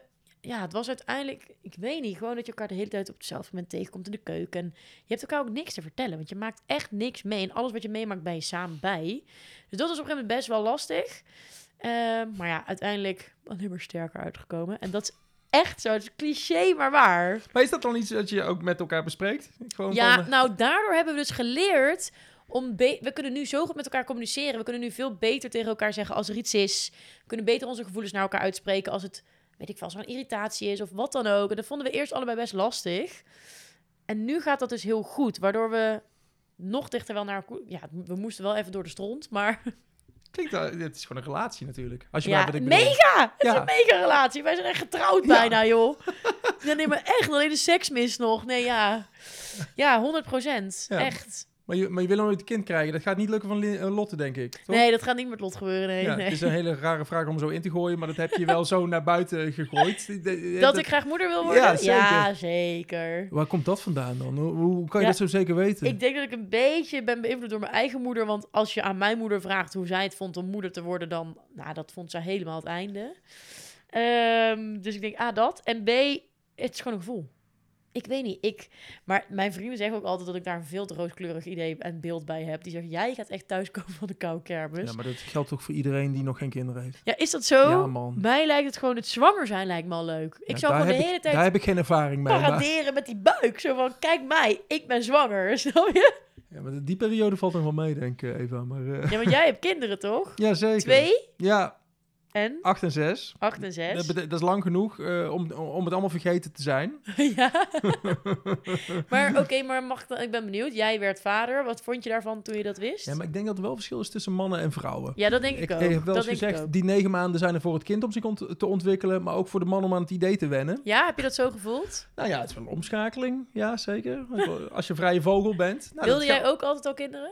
Eh, nee, maar ik heb altijd geleerd, eh, ik wist dat nooit zo goed. Ik Nee, denk dat het precies. bij mannen echt ander, anders werkt. En ik heb altijd, Ik heb geen idee, echt niet. nou ja, bij mij in ieder geval. Ik ken ook mannen die het namelijk wel echt heel graag willen. Ja, eh, ja ik, ik was niet zo iemand. Maar je hoeft ook niet natuurlijk, hè? Nee, en toen heb ik ooit iemand horen zeggen, een vriend van me, die eh, net vijf of tien jaar ouder was, die zei, ach Joris, wij mannen hebben niks te willen. Je moet gewoon je vrouw volgen en dan komt het allemaal goed. Nee, joh! Nou, ik, ik, heb, heb, ik, heb ik me wel aan vast weten te houden. En uiteindelijk komt het dan toch wel goed, weet je wel, omdat je er samen wat van brouwt. Maar je vrouw volgen, je hebt zelf ook wel aandeel, toch? Ik bedoel, het is toch Nou, ik mag het jouw hopen dat het mijn aandeel vrouw- is. Maar jij wilde dit kind er ook, hoop ik. Natuurlijk, Ja. natuurlijk. Maar het is niet dat je daar, eh, tenminste wij niet, wij zijn het geluk, gelukkige omstandigheid geweest dat het eh, mee zat, weet Ja, je wel. snap ik, dat je ja. niet een keuze moet eh, maken Klopt. van, nou gaan we ervoor. Ja, En het is meestal zo'n grijze fase het van... ja. mm, Het kan nog wel twee jaar duren, Ja, natuurlijk, bam. En eh, dan is het zover. en toen jouw vrouw eenmaal voor de eerste keer zwanger was, kun je, weet je nog wat, er toen,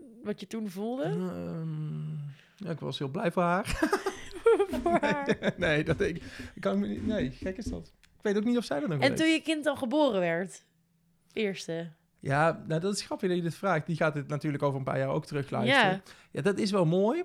Maar ehm, eh, achteraf gezien is eh, mijn, mijn trouwdag, die was dus zonder kinderen, Ja? het mooiste ooit geweest. Oh ja? Ja, dus het is niet zozeer ik, dat rooskleurige van eh, kinderen krijgen. Dat, eh, het is nou te gek hè, om met z'n vieren te zijn en niet meer met z'n tweeën. Het lijkt Ja. mij ook helemaal heel saai om mijn hele leven alleen maar met, eh, met Michelle geweest te zijn. Ja? Te moeten zijn, zeg maar. Ja, ja, Vind ik ja. ook onaardig. Maar terugkijkend, zo'n eh, zo'n bruiloft, mooier dan dat wordt het niet. En nu heb je natuurlijk eh, te gek... Ja, het is gewoon heel anders, denk ik ook. ja, en komend jaar, komende juni vieren we... Dat is zo te gek, want het gaat om de liefde met een grotere kring om je heen. Ja, en ja, ja. komende zomer ben ik tien jaar getrouwd en doen we gewoon nog een keer een feestje. Oh, heel zoals we dat leuk. tien jaar geleden ook gedaan Oh, hebben. Met dezelfde mensen ongeveer. Oh, heerlijk. En wel met de kids erbij. Dus dat is wel... Ja, dat is wel grappig dan maar dat is wel verrijkend. En dat is wel te gek. Maar ik Want vraag... hoe zou jij dan het ouderschap beschrijven? Je bent ouder, je bent vader. Ja, het is het laatste wat je aan me mag vragen, want daarna ga ik keihard omdraaien om maar eens een eh, Matthijs, van, Matthijs van Nieuwkerkje te gebruiken. Ik ben gewoon nieuwsgierig Ik als heb er niet super ouder. veel van geleerd. Super veel van geleerd. Als in, eh, ik was altijd op mezelf gericht, denk ik. Oh ja. Ik was zelf altijd het belangrijkste, maar dan komt zo'n hummeltje en dan eh, gaat het niet Ben meer om jou. belangrijk, Ik ja. weet het moment nog dat ik eh Michelle de Hoort op was en dat ik ook weg wilde. Ja, ja. En op het laatste moment, ik had mijn jas aan en toen dacht ik, oh nee, fuck, kan helemaal niet weg. Nee joh, Ik moet er zijn. had je je jas al aan? Ja, natuurlijk. Ja, maar dat is gewoon een patroon. En Wat dan, grappig. Ja, maar zo gaat dat. En dan... eh, maar ze zijn nou 8 en 6, maar ik ga je in de gaten houden. Maar, maar je, je hebt wel een man nodig, of je hebt in ieder geval zaad Zeker, nodig. Of, ja. of je een man nodig hebt, weet ik niet. Dat is maar, het tweede inderdaad, Ja, klopt. Nee, zeker. eh, ja, hoe is met liefde? Ik zag wel een kussende man op... Jou met een kussende man. ja, is dat... dat... klopt, met Misha. Ja, Maar dat was gewoon een kus. dat was een kus. Ja, dat was op windsport en daar, eh, daar vieren wij de liefde. Kijk, dat doe je goed. Ehm, en Misha is een hele goede vriend van mij. Hij is ook wel echt heel knap. Ehm, maar goed, nee, ja, de liefde, eh, rust, nu weer rustig. Ik heb, heb toevallig vorige week afgekapt met een date. Die al een Ehm, tijdje liep of zo. Ja, die liep eh, wat turbulent wel, moet ik zeggen hoor. Een klein halfjaartje, denk ik.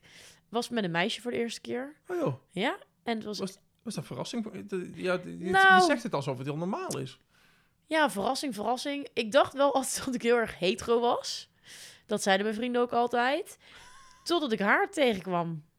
Ja, het was gewoon letterlijk totdat ik haar tegenkwam. En toen dacht ik... Ja, ik mag niet zeggen waar ik haar heb ontmoet, want ze wil niet... eh, Ik heb dus een keer de andere podcast een beetje eruit ge- iets te veel over haar eruit gevloekt. Vond ze Niet doen. vet. Nee, Hmm. sorry daarvoor. Maar je dacht, why not? Ja, heel erg dat. En ook gewoon nieuwsgierig. En, en ik vond het... Ik, ja, ze was gewoon fucking leuk. Fucking knap. Ze rook super lekker. Echt serieus. Ze vinkte alle boxjes aan, maar ze was wel een vrouw. Dat ik dacht, ja... Goh, wat vind ik daarvan? Nou, en toen hebben we best wel heel erg leuk gedate. Maar in die end werkte het gewoon niet. Om meerdere redenen. En daar ben ik wel heel verdrietig over geweest. Wel een klein beetje gebroken hart van gehad. Maar nu niet meer. En nu kijk ik er echt heel fijn op terug. Te gek. Ja, ben echt heel blij met deze ervaring. Was echt leuk. Wat betekent dat dan voor de toekomst? Ben je daar al uit? Nou, ik was van de week, zat ik weer met Lot. Ik zit altijd met Lot te chillen, want we wonen samen en we zijn beste vriendinnen. Dat ik wel... Ja, ik zei, ik denk dat ik in die end wel sneller of meer op mannen val. Maar als ik dan op een vrouw val, dan is het wel iemand zoals zij. Zeg maar, zij was... Ja, ik vond... Vanaf het moment dat ik haar zag, vond ik haar gewoon wel leuk en interessant. Snap je? Dus Ja. het kan wel, zeg maar. Maar ik merk wel, als ik bijvoorbeeld ben stappen of ben uit, dat ik meer naar mannen kijk. Maar het is wel cool om zo verrast te worden door jezelf. Ja, ik vond dat ook best wel leuk. Ja, ik vond dat ook best wel leuk. En het was ook wel funny, want ik ging toen aan mijn ouders vertellen. Ja, En toen eh, weet ik nog dat ik daar naartoe ging, dat ik dacht, oké, vertel het gewoon, vertel het gewoon. En ik wist 100% zeker dat ze niet erg zouden vinden, hè? daar twijfelde ik niet aan. Dus ik, en zij lagen zo op de bank en ik ging zo zitten, ik zo, pap, mam, ik moet je iets vertellen. En ik begon te brullen. Nou, ik dacht, en hun dachten echt, er is iets heel ergs aan de hand, weet je wel. En ik zo, nee, nee, nee, het is heel leuk, het is heel leuk. Nou, ze vonden het helemaal fantastisch. waarom moest je huilen? Ja, weet ik niet. Ik denk omdat het misschien een stukje van mezelf, dat ik gewoon zelf even dacht van, wat overkomt mij nu ja, of ja, zo? van verwarring of zo. Ja, misschien even zoiets. En ik huil... Ja, mijn vrienden vinden dat ik snel huil, maar ik huil snel bij mensen waarbij ik me op gemak voel. Dus of mijn ouders of mijn vrienden. Dus ik huil sowieso wel iets sneller bij hun. En er kwam even een soort van, ja, ik weet niet. Misschien omdat het heel erg in mijn hoofd zat en dat ik daar even eruit gooide. I don't know. Nou, we gaan het meemaken. Ja, joh. Hey, ik moet nog eh, iets zeggen over You Go Girl. You Go Girl. Dit is een mooi moment om te zeggen You Go Girl. En dan denken de mensen die nou aan het luisteren zijn, wat, wat de hel zegt die jongen nou You Go Ja. Girl? Je hebt een award gewonnen. Ja. De You Go Girl Award. wat, wat is dat? Nou, de You Go Girl Award is onderdeel van de Vrouwen in de Media Award. Dus Ja. ja. zij willen ook graag natuurlijk awareness creëren voor meer vrouwen in de media. Ja. En ik heb de You Go Girl Award gewonnen voor aanstormend talent. En het was wel een beetje grappig, want ik was dus genomineerd. En toen ging ik op windsport. Toen was die uitreiking op mijn wintersport. Online mag ik ook. Online gelukkig Ja. wel, inderdaad. En in eerste instantie had ik dus gezegd van... ja, ik ben op windsport, dus ja, ik weet niet zo goed of het gaat lukken en zo. Maar ze drongen best wel aan of ik erbij kon zijn. En ik heb inmiddels een... eh, ja, ik vind het echt zo dom om te zeggen, maar een manager. En ze is... Ja, het voelt zo pretentieus. Ik had het er vanmiddag nog over, maar ik heb dus iemand een agent, een manager, hoe je het ook wil noemen. Ja, en die wordt dan gebeld voor wat... Moet ik, als ik net iets later was geweest, had ik hem dan ook via jouw manager een podcast interview met je Nee, moeten ik regelen? zat nog te denken van, oh, ik heb hem helemaal niet doorgestuurd naar mijn manager. Maar toen dacht ik, ja, het is gewoon lekker Nijmegen. En het was zo'n kort lijntje en het was zo'n easy maar afspraak. normaal gaat het wel op die manier. Ja, normaliter dan gaat het inderdaad via het management. Ook omdat ik zelf heel slecht ben in mailen. Echt, als je me had gemaild, dan had je waarschijnlijk nu nog steeds geen reactie gehad. Dan vlag ik die mail, snap je, gemarkeerd en dan kijk ik er niet meer naar.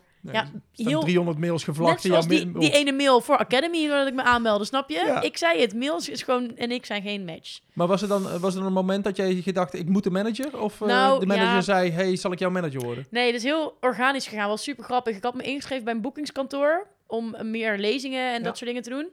En daar deed zij mijn eh, boekingen. En toen klikten wij gewoon heel erg. En toen werd ik steeds drukker. En toen merkte ik dus dat was zoveel aan het draaien en ik moest zoveel op pad. En dan ook nog dat stukje als freelancer daarnaast van en onderhandelingen, boekingen, mails, contactafspraken. Weet je wel, inhoud door al die, ja, die dingen die daar, er komt echt veel bij kijken Ja.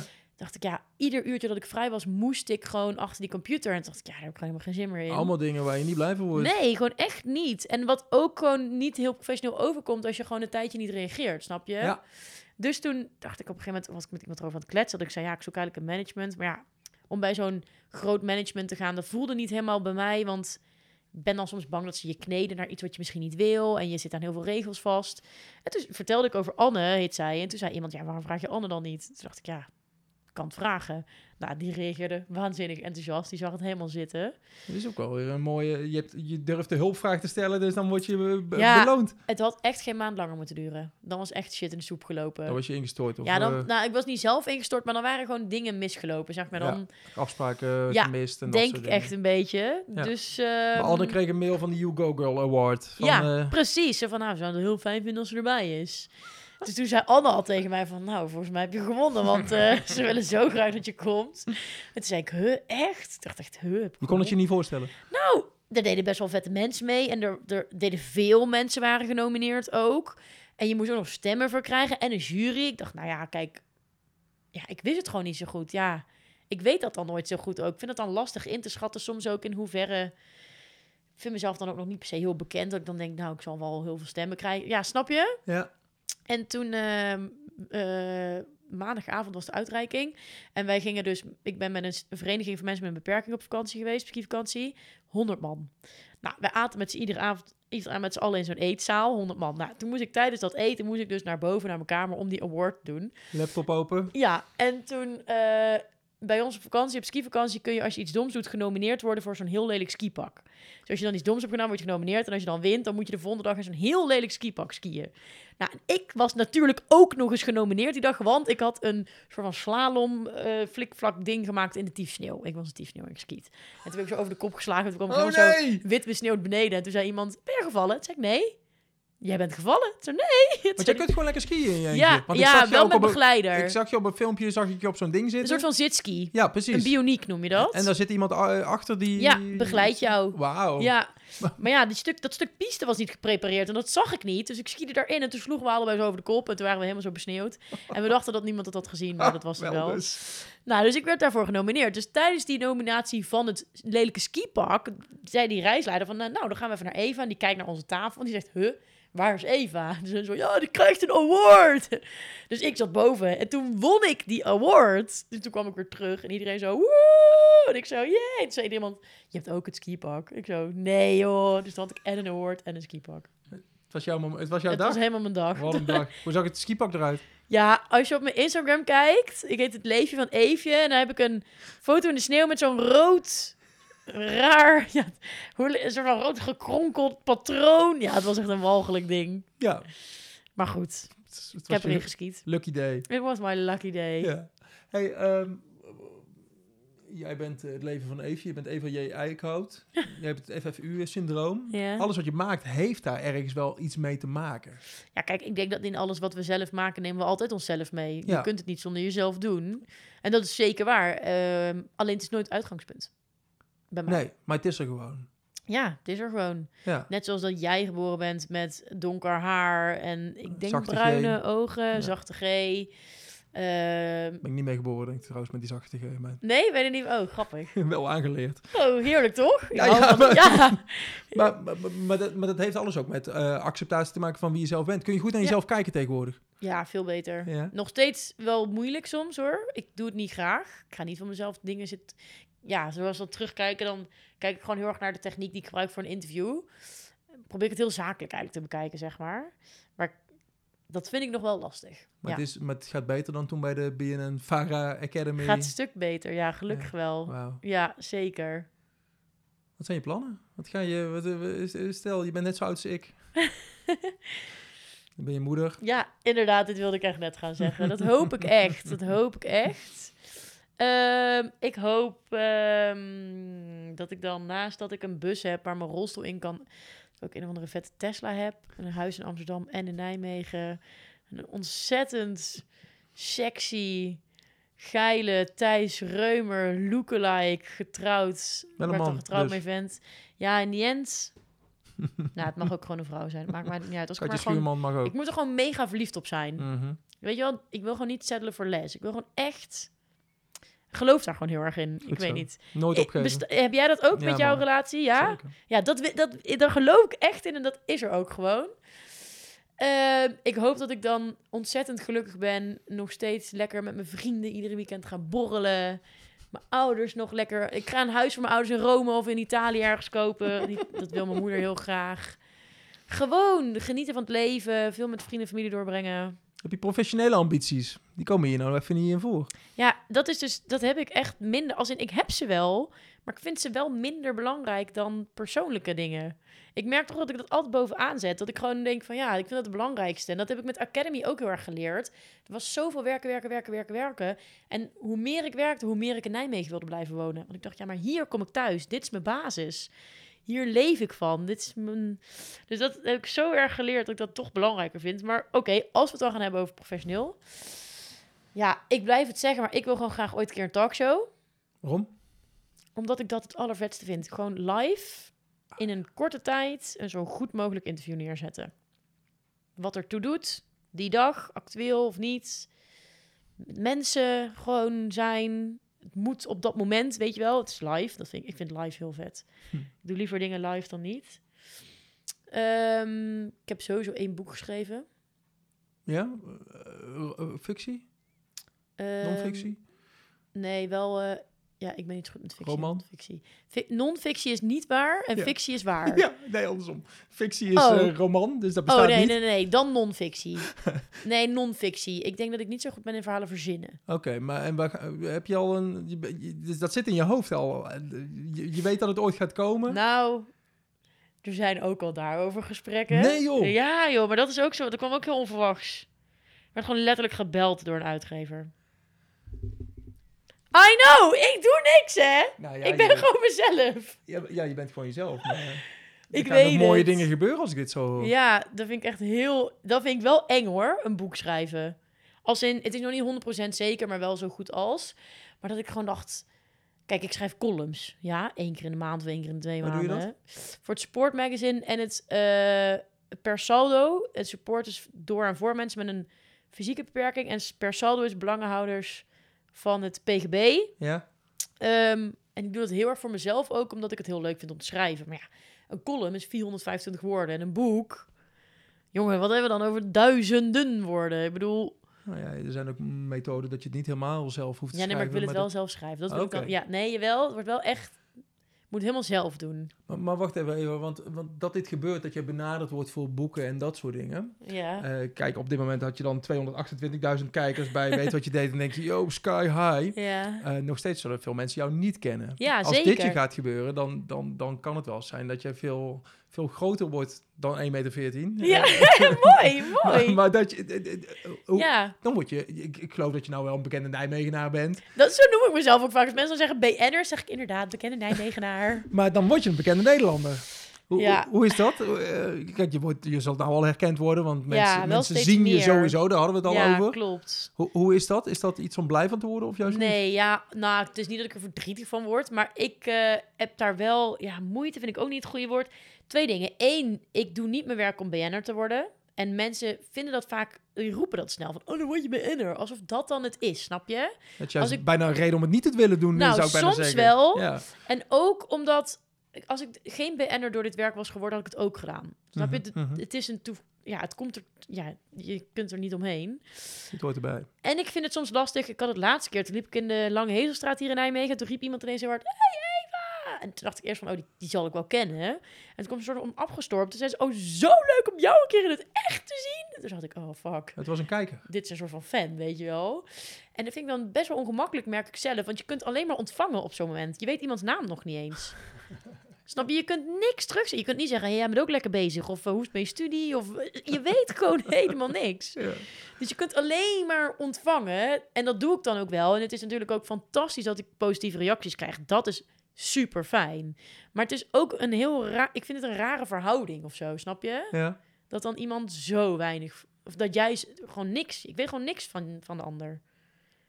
Nee, maar het hoort er nou eenmaal gewoon bij. Als jij dit werk leuk vindt om te doen Ja, dan, en, precies. en je bent succesvol, Ja. en dan word je steeds groter. Dan Ja. zullen je mensen je nog meer gaan zien dan, dan mensen je nu al zien. Hè? Want mensen herkennen en- je al. Soms is dan het nadeel bij mij ook nog wel eens dan... Ik kan wel eh, een pet en een zonnebril opzetten. Maar dan ziet nog iedereen dat ik het ben, snap je? Ja, precies. Dat vind ik soms ook wel eens lastig. Of dan ben ik in de kroeg en dan komen mensen binnen en zeggen ze... Oh ja, ik zag je rolstoel buiten al staan. Ik, denk, "Oh, ik ben echt nergens anoniem. Nee. Weet je, dat is soms wel eens dat ik dan denk van ja... En mensen herkennen mij ook al, al, altijd. Al, ze, al hebben ze me als baby een keer gezien, dan weten ze nog steeds dat ik dat toen was.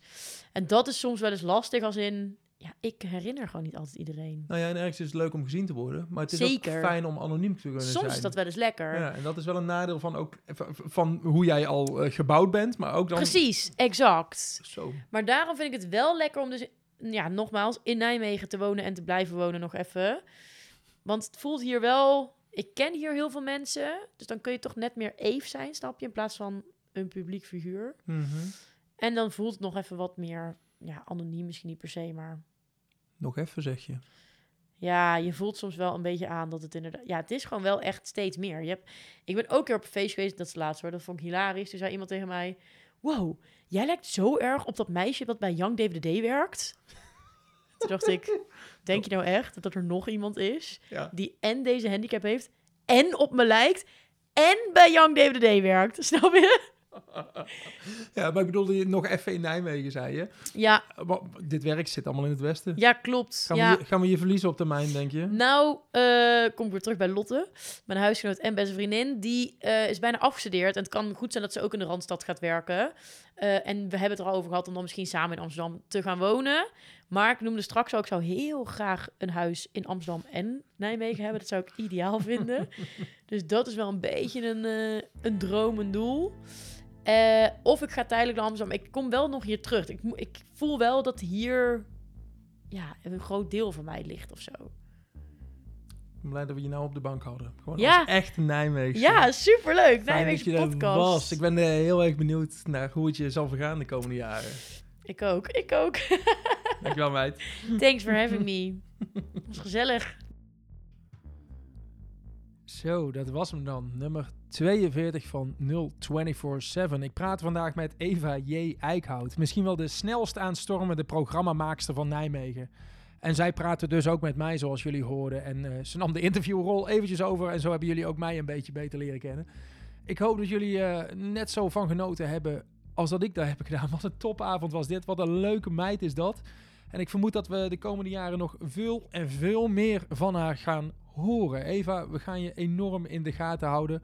We vinden het oké als je even weggaat naar Amsterdam, maar kom alsjeblieft weer naar ons terug, want eh, we kunnen niet zonder je. Eh, heb je een opmerking, heb je een tip, heb je iemand die ik echt eh, moet interviewen, laat het me dan weten. Eh, mail me op jorisapenstaatje0247.nl, via de website 0247.nl of stuur me een berichtje via podcast0247 eh, op, op, op Instagram bijvoorbeeld. Hey, ik vond het te gek om dit weer te, weer te doen. Er zit nog veel meer in het vat. Blijf luisteren, abonneer, geef me sterretjes. Tot de volgende keer maar weer. Haaien!